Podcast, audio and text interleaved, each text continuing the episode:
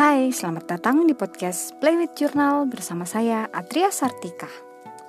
Kali ini podcastnya mengudara dari Polewali Mandar, Sulawesi Barat.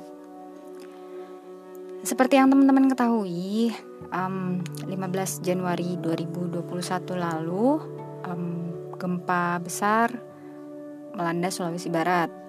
Sebenarnya posisi gempanya itu adalah di wilayah perbatasan Majene Mamuju jadi um, wilayah pusat uh, Kabupaten Majene tidak uh, begitu mengalami dampak gempa. Yang paling parah malah di wilayah Malunda, Tapalang, uh, kemudian Mamuju. Uh, yang mendapat dampak paling besar memang kelihatannya adalah Mamuju karena mengingat uh, Mamuju kota ini sudah cukup padat penduduk kemudian banyak bangunan besar sehingga mostly korban jiwa adalah uh, akibat uh, tertim tertimpa reruntuhan bangunan. Nah, uh, mungkin sebenarnya banyak yang bertanya-tanya bagaimana situasinya pada saat gempa. Kemudian apa yang terjadi sampai sekarang, apakah saya dan anak-anak uh, mengalami trauma dan sebagainya. Jadi di episode kali ini saya mau uh, bercerita, menjawab rasa penasaran teman-teman jadi so sekitaran antara zuhur dan asar ya, aku lupa persisnya jam berapa. Uh, gempa pertama terjadi 5,9 skala Richter. Alhamdulillah pada saat itu aku ada di rumah karena sejak Covid uh, aku terserang serangan semacam serangan panik apa atau intinya aku nggak bisa tenang pada saat berada di kantor. Jadi sebisa mungkin aku meminta untuk uh, mengerjakan pekerjaan dari rumah. Sehingga hari itu yang sebenarnya jam kerja saya ada di rumah bersama anak-anak. Jadi alhamdulillah pada saat gempa pertama 5,9 itu anak-anak masih asik main dan seperti biasa Nias dan Nuri memang cenderung uh, mereka tidak mau berpakaian lengkap pada saat di rumah karena Mamuji memang panas banget. Jadi uh, gempa pertama itu anak-anak langsung kami selamatkan uh, mitigasi bencana di rumah kami adalah karena kami tinggal di lantai dua. Uh, saya sama Babania selalu ngomong bahwa kita jangan bergerak, kita jangan beranjak dari lantai dua, jangan beranjak dari tempat aman yang sudah kami sediakan di dalam kamar. Uh, saat gempa masih terjadi, jadi kami baru bisa uh, keluar, memilih keluar itu setelah gempanya reda. Jadi pada saat gempa pertama, aku nggak tahu berapa lama sekian detik itu, cukup cukup lama sih sebenarnya di dalam situasi gempa itu tergolong lama. Kita langsung mengajak memak, meng, mengambil anak-anak dan setelah gempa reda langsung kami pakaikan pakaian. Dan sebenarnya setelah itu ada gempa susulan. Kami nggak tahu kenapa itu tidak tercatat apakah sebenarnya dia adalah gelombang gempa yang sama tapi kami rasa sebenarnya bisa saja berbeda karena uh, itu sempat ada jeda yang tidak ada gempa jadi kami bisa ngasih pakai mm, apa membuat anak-anak mengenakan pakaian lengkap. Dan ketika gempa itu terjadi kami kembali ke wilayah aman yang kami buat di dalam kamar. Itu uh, nunggu du gempa lagi dulu cukup gede. Setelah itu setelah itu tenang baru kami bergegas turun ke bawah. Dan itu langsung bawa tas siaga. Jadi memang kami sudah menyediakan satu tas siaga sejak zaman setelah gempa Palu. Di jadi Mamuju kan sebenarnya ikut merasakan ini ya getaran gempa Palu cukup keras. Kemudian setelah itu ada disusul sama gempa Mamasa juga. Waktu itu gempa Mamasa sebenarnya nyampe ke 6,6 uh, nah itu kami sudah selalu membiasakan punya tas siaga. Di dalam itu sudah ada berkas-berkasnya kami baju anak-anak masing-masing sepasang pampers anak-anak ada. Aku juga ada baju uh, gamis sama satu ini satu bergo satu jilbab yang langsung pakai sama lampu ini lampu penerang darurat. Nah, itu kami udah nyiapin itu. Tapi itu sebenarnya kurang lengkap ya karena harusnya ada makanan dan mak makanan dan sebagainya. Tapi mengingat tasnya nggak cukup besar, jadi kami hanya mengisi dengan itu. Tapi minimal alhamdulillah jadinya berkas-berkas aman. Ijazah aku, akte kelahiran, akte kelahiran anak-anak, uh, semua aman. Nah, uh, pada saat itu kita waktu itu kan internet langsung down tuh setelah gempa pertama 5,9 itu internet sempat down sempat juga mati lampu tapi nggak lama nyala lagi. Kami sudah sempat kami akhirnya keluar rumah sekalian bareng sama Baba Nias ke kantornya kantor TVRI Nah, habis itu kami sempat keliling-keliling lihat situasi, apakah ada rumah yang uh, rubuh atau gimana. Waktu itu alhamdulillah kondisi sudah agak kondusif, kemudian uh, kita sudah merasa lebih tenang, akhirnya balik ke rumah. Nah, itu kami sebenarnya sudah antisipasi jangan sampai akan ada gempa susulan. Nah, sempat tuh di bawah di lantai satu beraktivitas, takutnya mendadak langsung ada gempa susulan lagi Uh, tapi sekitar jam 9an anak-anak udah pada ngantuk karena emang udah masuk jam tidur mereka banget. Akhirnya kita naik lagi ke lantai 2 istirahat di sana di kamar.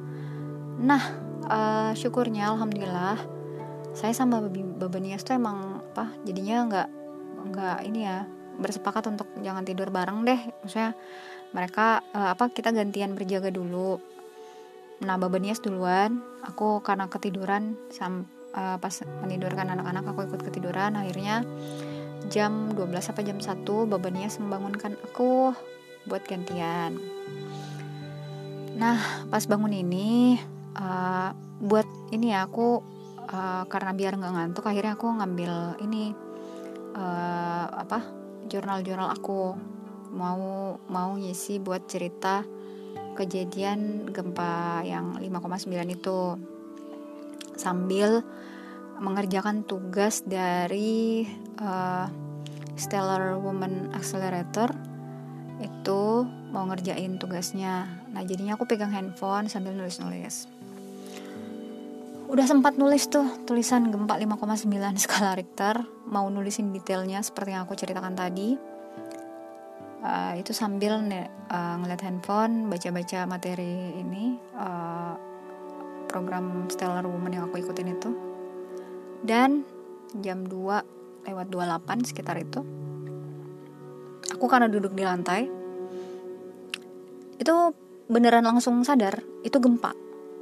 Goyang banget dan karena aku waktu itu uh, kondisinya adalah yang kan apa tangan kiri megang handphone yang kanan megang uh, pulpen.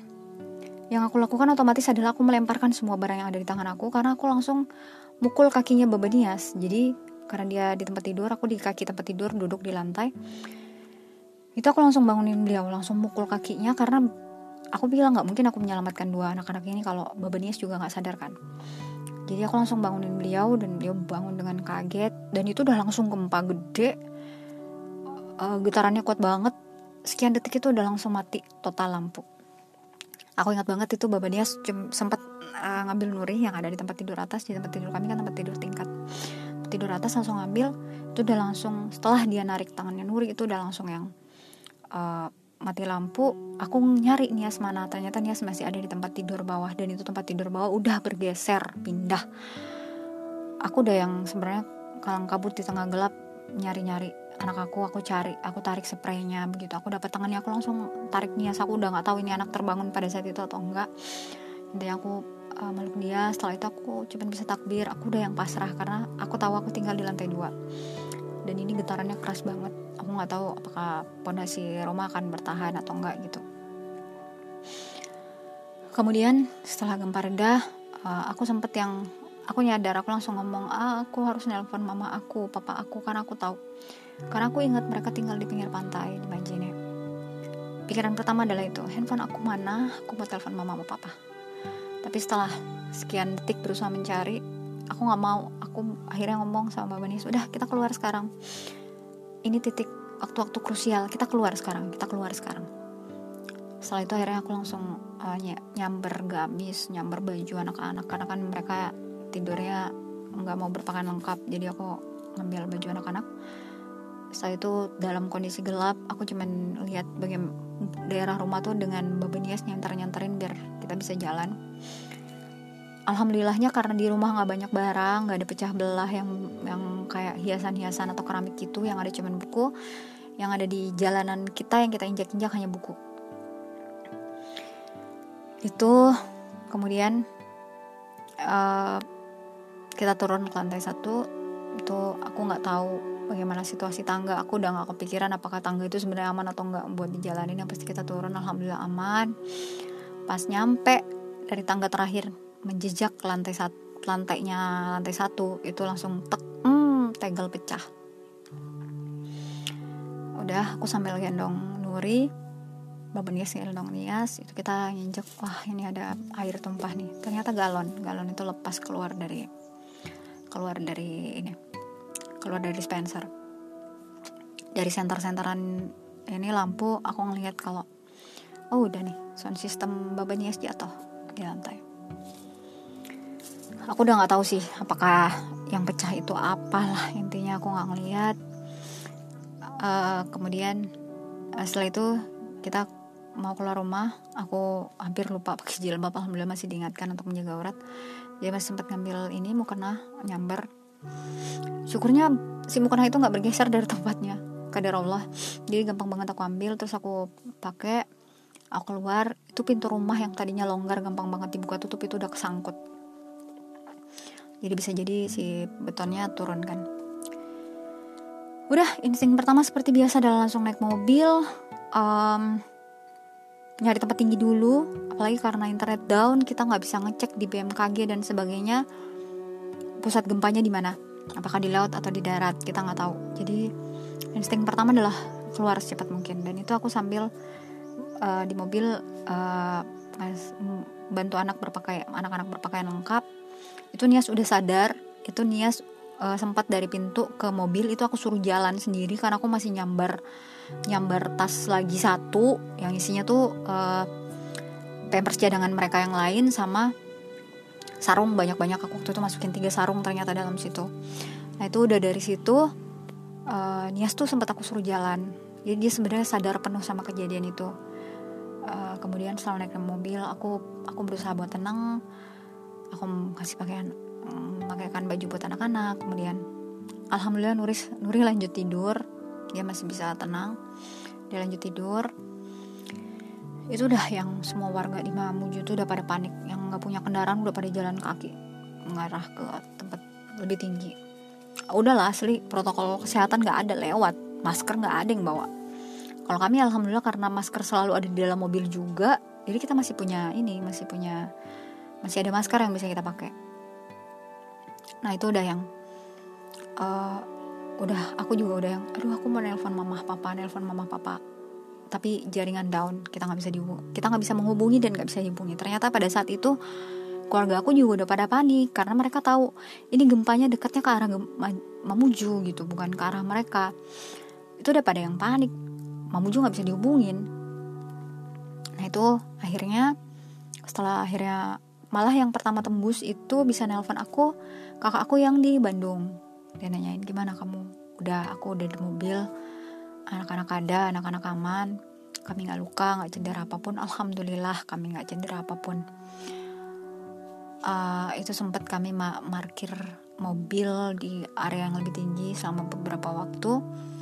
Tapi akhirnya juga pas udah bisa ngecek internet jadi itu semuanya pakai handphone babanias karena aku handphone yang nggak ada uh, itu ternyata uh, tidak berpotensi tsunami. Akhirnya kami memutuskan udah kami balik dulu ke rumah. Tapi itu udah kami nggak berani masuk ke rumah. Jadi itu sekitar jam 4 pagi apa kami akhirnya memutuskan keluar dari keluar dari maksudnya mendekat ke rumah. Itu Mamuju udah kayak kota mati. Kota sunyi gelap gulita. Uh, kami cuman kami doang tuh yang parkir dekat situ jadi kendaraan cuman lewat-lewat doang. Udahlah gelap banget. Mana mana kacaunya tuh aku setelah gempa pertama itu datang bulan. Jadi situasinya udah asli nggak nyaman banget. Buat yang perempuan mungkin sadar banget ya itu nggak nyaman banget situasinya. Uh, Nias udah yang bertanya-tanya kenapa kita nggak masuk rumah? Kita pulang bunda pulang. Terus aku bilang rumah goyang nak. Rumah goyang. Uh, kita belum bisa masuk gitu. Akhirnya dia uh, sibuk mm, apa ya kemarin dia asik sibuk main sendiri ngobrol sendiri lah ngobrol kita main. Begitu subuh uh, jam udah masuk subuh babanya akhirnya memberanikan diri masuk ke rumah ngecekin ini ngecekin barang-barang dulu. Kita masih ada tuh air galon persis depan pintu rumah kita baru beli langsung angkut naik di mobil pickup kan kami alhamdulillah kami punyanya mobil kami pakainya mobil pickup. Nah itu kita naikkan ke belakang. Mbak Banias masih sempat ngambil ini uh, alas buat bisa beristirahat di belakang di pickup. Tapi kita nggak ngambil kita nggak punya ini emang kita nggak punya uh, apa uh, terpal gitu buat ditaruhin sebagai atap gitu. Udah alhamdulillah.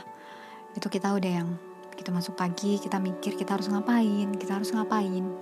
Kita nggak berani masuk rumah pikiran pertama uh, Babanias alhamdulillah Babanias ditelepon sama sepupunya yang uh, pernah ngalamin gempa Palu. Dia langsung ngingetin kamu langsung borong makanan apa pun yang bisa kalian beli gitu. Syukurnya uh, abis itu uh, terus diingetin kita harus ngisi BBM BBM paling penting. Ya syukurnya habis gempa pertama kami sempat isi bensin memang tapi nggak full cuman setengah. Dan akhirnya kita langsung tuh nyari BBM susah banget susah banget dapetnya. Kita udah keliling. Udah nongkrong di salah satu SPBU akunya tapi kita milih juga di situ nongkrong di situ karena situ lebih aman karena nggak ada tower nggak ada bangunan tinggi eh, nggak ada tiang listrik gede. Nah akhirnya kita mengamankan diri di situ dulu tapi ternyata uh, apa ya karena mati lampu mereka nggak bisa beroperasi. Ya udah dan mereka katanya nggak nggak ada genset jadi kita ya udahlah kita pasrah ya udah kita nggak bisa dapet di sini kita keluar. Itu masih sempet singgah beli biskuit masih dapat palpi buat anak-anak. Uh, udah uh, terus masih sempet dapat ini di sini di Mandar namanya loka loka jadi pisang-pisang kecil yang manis itu kita masih bisa dapat itu kita beli. Beli beberapa sisir kita simpan di belakang. Kita udah yang memang persiapan kita kan uh, mengungsi mandiri pertimbangannya adalah karena covid. Jadi babania sempat tanya gimana? Kita mengungsi di mana? Terus aku bilang ya udah kita bertahan di mobil aja cari tempat parkir yang aman. Kemudian akhirnya karena TVRI kantor TVRI Sulbar itu posisinya agak ting cukup tinggi.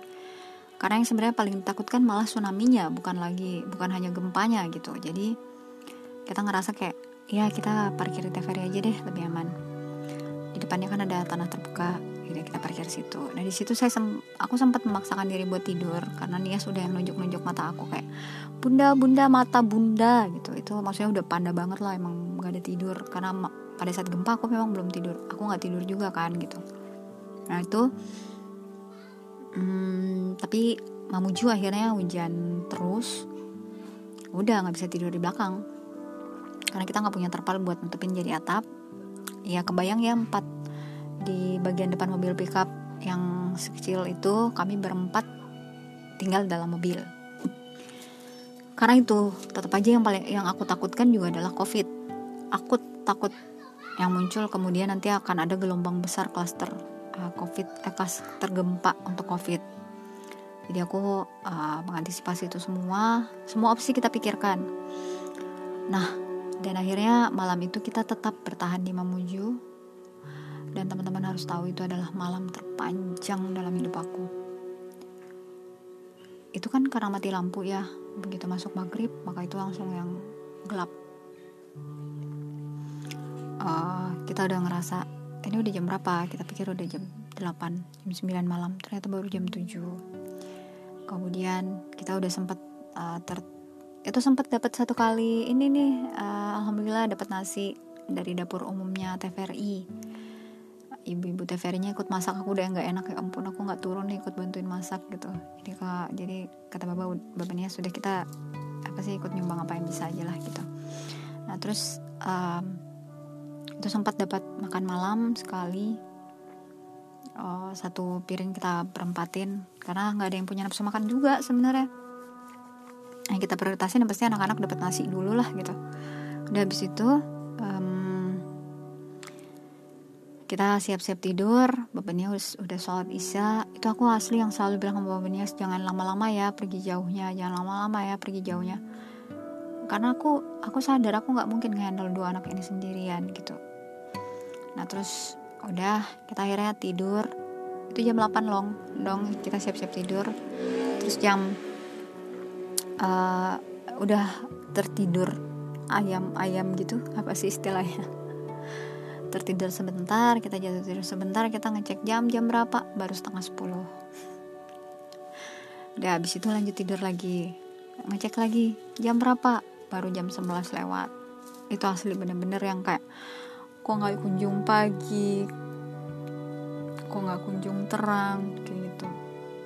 Itu kaki aku udah sampai yang apa sih istilahnya di sini tuh matahari uh, kram kesemutan. Dan itu kesemutannya udah kayak yang aku nggak ngenalin kaki aku sendiri lagi. Aku megang-megang ke bawah kaki aku mana?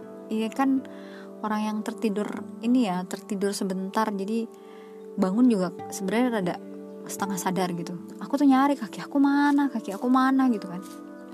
Aku megang di bawah ini kaki siapa? Kaki babanias ya kok gede. Eh ternyata kaki aku dong itu pas diangkat tuh udah mati rasa aku nggak bisa ngerasain si kaki itu. Udah yang sakit banget pas balik ke ini. Ya itu uh, pilihan buat uh, buat ngungsi di mobil resikonya juga adalah seperti itu gitu. Kita punya ruang gerak yang sangat kecil. Nah terus sampai paginya kita masih bimbang apakah kita harus keluar dari Mamuju? Itu sempat papa nanya kamu mau ngungsi aku bilang kayaknya enggak deh pak kami kamu mau keluar dari situ enggak kayak aku bilang kayaknya enggak deh pak lagi pula akses jalan masih terputus karena longsor di wilayah banyak titik di uh, perbatasan antara Mamuju Majene si jalur jalan porosnya itu banyak yang uh, longsor dan itu beneran longsornya batu-batu gede yang jatuh turun. Itu sempat tuh awal-awal papa nelpon kamu ngungsi? Enggak kayaknya nggak ngungsi. Pilihan paling aman kayaknya tetap tinggal di sini sempat kayak gitu. Kemudian itu kemarinnya sempat kayak gitu mikirnya. Begitu masuk pagi setelah aku kita ngalamin malam yang sangat panjang itu babanias juga ngomong aku nggak sanggup kayak gini kasihan anak-anak. Kita nggak bisa kayak gini. Nah paginya itu kita balik ke ruko karena ruko nggak kita kunci. Ruko tuh cuman kita kunci ininya pintu dalamnya. Si pintu luarnya nggak nggak kita kunci karena kita takut menggerakkan si bangunan. Takutnya pas ada gempa atau apa. Nah babania sempat masuk lagi tuh uh, ngambil laptop sama masya allahnya beliau masih nyempetin nyari handphone aku. Yang ini sama uh, masih ngangkut buku jurnal aku masya allah. Jadi buku jurnal aku yang ada di lantai di kamar itu sempat dia pungut. Itu udah ini ya pas aku buka pas tiba di sini aku buka halamannya tuh udah yang kayak ada pasir-pasirnya di atas. Padahal itu baru semalam. Uh, terus di situ baru babanias uh, ngecek rumah sedikit-dikit dan ternyata pagi itu aku nggak inget jam 7 apa jam 8 gempa lagi 5 skala Richter. Udah. Itu pas syukurnya bebannya sudah keluar dari ruko. Kita kita aku sempat turun bantuin buat tutup pagar ngetutup uh, ruko rapat. Dan itu pun udah nggak bisa ketutup rapat sebenarnya. Uh, jadi pas gempa 5 skala Richter itu aku lagi teleponan sama papa. Papa masih nanya kamu mau keluar dari Mamuju atau enggak Aku bilang, aku bingung pak, aku mau lewat mana kalaupun mau keluar. Kalau lewat jalur Majene itu susah. Mau lewat jalur Mamasa kami juga nggak tahu, resiko longsor juga pasti ada gitu kan. Tapi begitu gempa 5 skala Richter itu, aku masih di mobil, Baba Nias masih dekat sama Ruko. Aku yang teriak-teriak, Baba, Baba, gempa, gempa kak, gempa. Masuk mobil cepat gitu kan. Itu anak-anak Nias tuh udah ngeliat aku seberapa paniknya dia teriak-teriak bawa bawa gitu kan. Udah abis itu udah. Keputusannya adalah kita keluar dari Mamuju sekarang. Dan masya allahnya ketika keyakinan itu datang aku coba nyari informasi ke, tem ke teman yang tinggal di Mamasa aku nanya kak Mamuju Mamasa bisa lolos? Terus kata dia bisa Tria karena kakak aku habis jemput ipar aku gitu. Dia ngomong gitu. Udahlah aku bilang sama Bapak Nias udah kak kita ini aja nih kita lewat Mamasa aja kalaupun nanti ada longsoran jalan antara Mamasa ke Polewali udah kita nginep aja di Mamasa udah gitu aja pilihannya. Karena kalau uh, lewat Majene ya gambling banget. Aku bilang ya gimana kalau beneran berpotensi tsunami terus kita pas lagi di jalan nggak ada belokan buat naik gunung kita ya udah terima nasib gitu aja gitu di pinggir jalan kan? Jadi aku bilang nggak kita mut ya udah kita lewat jalan jalur Mamasa jadi kita beneran mutar mutar mutarin belakang gunung gitu. Aku nggak begitu pintar menjelaskannya karena aku nggak hafal daerahnya. Itu alhamdulillahnya sepanjang jalan kami nggak ketemu hujan. Uh, maksudnya sempat ada hujan rintik di beberapa titik tapi nggak ada hujan deras yang bikin kami berpotensi ketemu sama longsor dan beneran. Alhamdulillah sepanjang jalan kami nggak ketemu longsor kami cuma ketemu kabut jadi agak melambat begitu masuk daerah berkabut. Dan masya allah sih maksudnya ya aku masih bisa meng, apa sih kita tuh udah yang berdua sama babanias tuh saling menguatkan dengan ngomong udahlah kita anggap ini jalan-jalan aja kita anggap ini jalan-jalan aja. Itu beneran kita kayak uh, mensugesti diri sendiri bahwa ini tuh bukan uh, trying to escape dari luar dari situasi itu gitu. Itu tuh kita tuh milih buat jalan-jalan gitu. Makanya kita muter mamasak kita ngomongin gitu. Karena banyak pihak karena keluar papa aku juga ragu buat buat setuju aku lewat mamasa kayak gitu. Tapi akhirnya aku tetap milih itu karena begitu gempa 5 skala Richter itu aku udah gak mikir-mikir lagi. Aku harus keluar dari Mamuju mindset waktu itu. Udah akhirnya ke kita muter itu sepanjang perjalanan anak-anak kasihan masih harus tetap hidup di dalam mobil. Babanias masih sempat sih nggak beli duren coba. Beliau bener-bener berusaha membuat situasi ini tuh terasa lebih baik gitu uh, sedang aku tuh sebenarnya sudah menahan menahan rasa tertekan sebenarnya. Dan sepanjang perjalanan aku berusaha mikir ya insya Allah baik insya Allah bagus. Alhamdulillah perjalanannya bagus pemandangannya bagus. Itu beneran berusaha menenangkan diri seperti itu. Dan finally setelah 7 atau 8 jam perjalanan kami akhirnya bisa tiba di Polewali Mandar dengan selamat. Alhamdulillah banget alhamdulillah.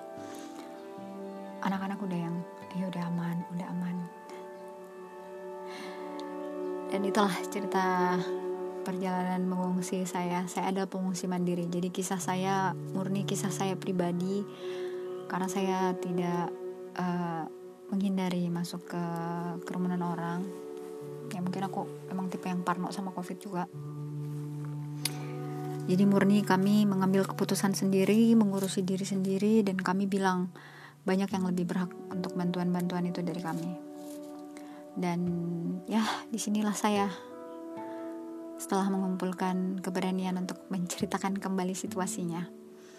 Dan kalau ada temen kalau teman-teman nanya gimana trauma? Apakah ada yang trauma? Saya trauma. Jadi tempat tidur tempat tidur di rumah mertua saya itu kalau kita goyang di tempat tidur itu tempat tidur langsung goyang banget. Itu aku nggak berani tidur tempat tidur uh, dua malam tidur di tempat tidur itu aku masih nggak bisa tidur nyenyak. Malam ketiga di sini baru aku ngomong aku tidur di lantai aja. Itu setelah itu baru bisa tidur dengan baik. Uh, Nias uh, awal-awal nggak nggak ketahuan kalau dia uh, trauma. Tapi dia tuh dari yang kalau di rumah tuh selalu pengen buka baju karena kepanasan. Dia setiap kali sekarang tiap kali aku pengen buka bajunya dia akan bertanya bunda tak goyang. Jadi dia takut gempa datang lagi dan dia nggak siap. Mau tidur pun biasanya dia tidur tidak berpakaian lengkap. Itu pun dia masih nanya bunda ndak goyang? Bahkan dia pernah yang ngomong bunda tidur di mobil. Takut goyang sakit. Di situ aku yang nyadari Allah anak aku ternyata mengalami trauma. Jadi dan awal-awal tuh ya karena jadi antara jeda gempa pertama dengan gempa kedua dia sempat pup. Terus aku uh, mau bersihin kita masuk kamar mandi dia main air. Padahal airnya mati. Aku tegur. Aku bilangin ya tadi habis goyang. Uh, airnya nggak ada nggak nggak jalan. Jadi kamu jangan buang air gitu kan. Ternyata setelah itu gempa kedua datang lagi dengan gelombang lebih besar dan lebih menghancurkan dia nggak pernah pup. Dia nggak pernah pup sampai kita tiba di rumah mertua aku. Keesokan harinya baru dia itu pun dia takut makan banyak. Jadi besok paginya tuh ada roti aku kasih ke dia buat makan roti. Dia ngomong nggak bunda nggak mau. Aku nggak mau roti aku nggak mau roti coklat. Nanti perut sakit perut. Jadi dia tuh takut dia bakalan pup kalau dimakan banyak itu aku yang kayak pengen nangis terus ngomong Nia sudah nggak gempa nah udah nggak goyang. Terus aku ajakin ke kamar mandi aku kasih lihat Nia airnya masih banyak nah ini airnya jalan nggak apa-apa kamu pup aja. Ya Allah anak aku nahan pup tiga hari loh. Itu yang aku langsung nyadar ya ampun. Anak aku sampai menyesuaikan diri dia sam jadi memang selama perjalanan dia nggak mau makan banyak dia disuap makan yang kita malam itu makan aja dia mungkin cuma makan dua suap tiga suap sama kayak kita yang orang dewasa. Karena kita nggak ada yang bernafsu makan. Jadi dia dia menahan diri untuk nggak makan.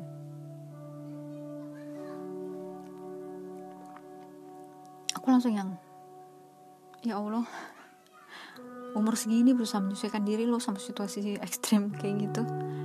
Itu sampai masih ada masih ada dua hari atau tiga hari setelah kita tiba di Polewali yang aku tuh masih harus ngebujukin dia buat pup. Aku masih selalu ngomong Nias udah nggak gempa nah udah nggak goyang udah nggak goyang. Kamu bisa pup kamu boleh makan banyak kamu boleh pup banyak. Itu yang aku selalu bilang aku selalu ngomong lihat muka bunda lihat mata bunda nak. Dan sambil aku ngasih tahu kayak gitu sudah nggak goyang nak. Udah nggak goyang. Kamu boleh makan banyak kamu boleh pup banyak. Baru setelah itu dia berani ngemil banyak banyak padahal dulu tuh dia rutin banget tuh minta susu ngemil makan nasi telur. Uh dan ya alhamdulillah kalau yang cewek Nuria udah nggak dia alhamdulillah nggak nggak mudah-mudahan nggak nggak ada terdampak secara psikologi ya aku pribadi juga masih kalau aku bukan cuma dampak getaran gempanya sih tapi dampak situasi yang aku di titik yang pengen ngembangin dapur mandar dan sekarang harus nerima bahwa itu harus di hold dulu. Jadi ya gitu deh so ini pertama kalinya ya aku cerita panjang banget dan semoga ini menjawab pertanyaan teman-teman. Uh, terima kasih banyak untuk dukungan teman-teman.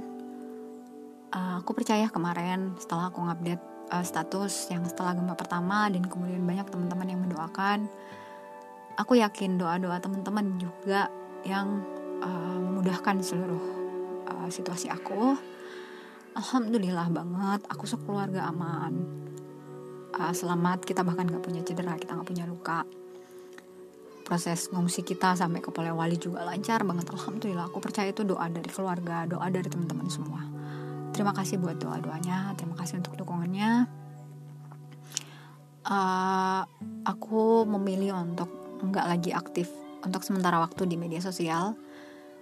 Seperti yang aku bilang aku masih dalam proses menerima keadaan. Uh, aku punya banyak hal kemarin. Dan sekarang aku kehilangan banyak hal itu alhamdulillah ya alhamdulillah aku selamat. Kami baik-baik saja nggak ada yang terluka. Tapi tetap saja mohon maaf secara mental aku mungkin sebenarnya nggak sekuat yang temen-temen duga jadi sekarang aku masih proses healing aku masih proses nerima keadaan uh, dan uh, doakan aku. Semoga aku memang sekuat itu. So um, ini aja cerita dari aku setelah cukup lama menghilang. Teman-teman yang ngelaksanain happiness project tetap laksanakan lanjutkan. Insya Allah aku bakalan nimbrung uh, ke happiness project. Aku pengen tetap berbagi situasi-situasi aku yang mungkin ya aku belajar buat mensyukuri banyak hal-hal kecil sambil aku juga belajar buat menerima uh, beberapa kehilangan cukup talak sih bagi aku. So sampai ketemu di episode berikutnya.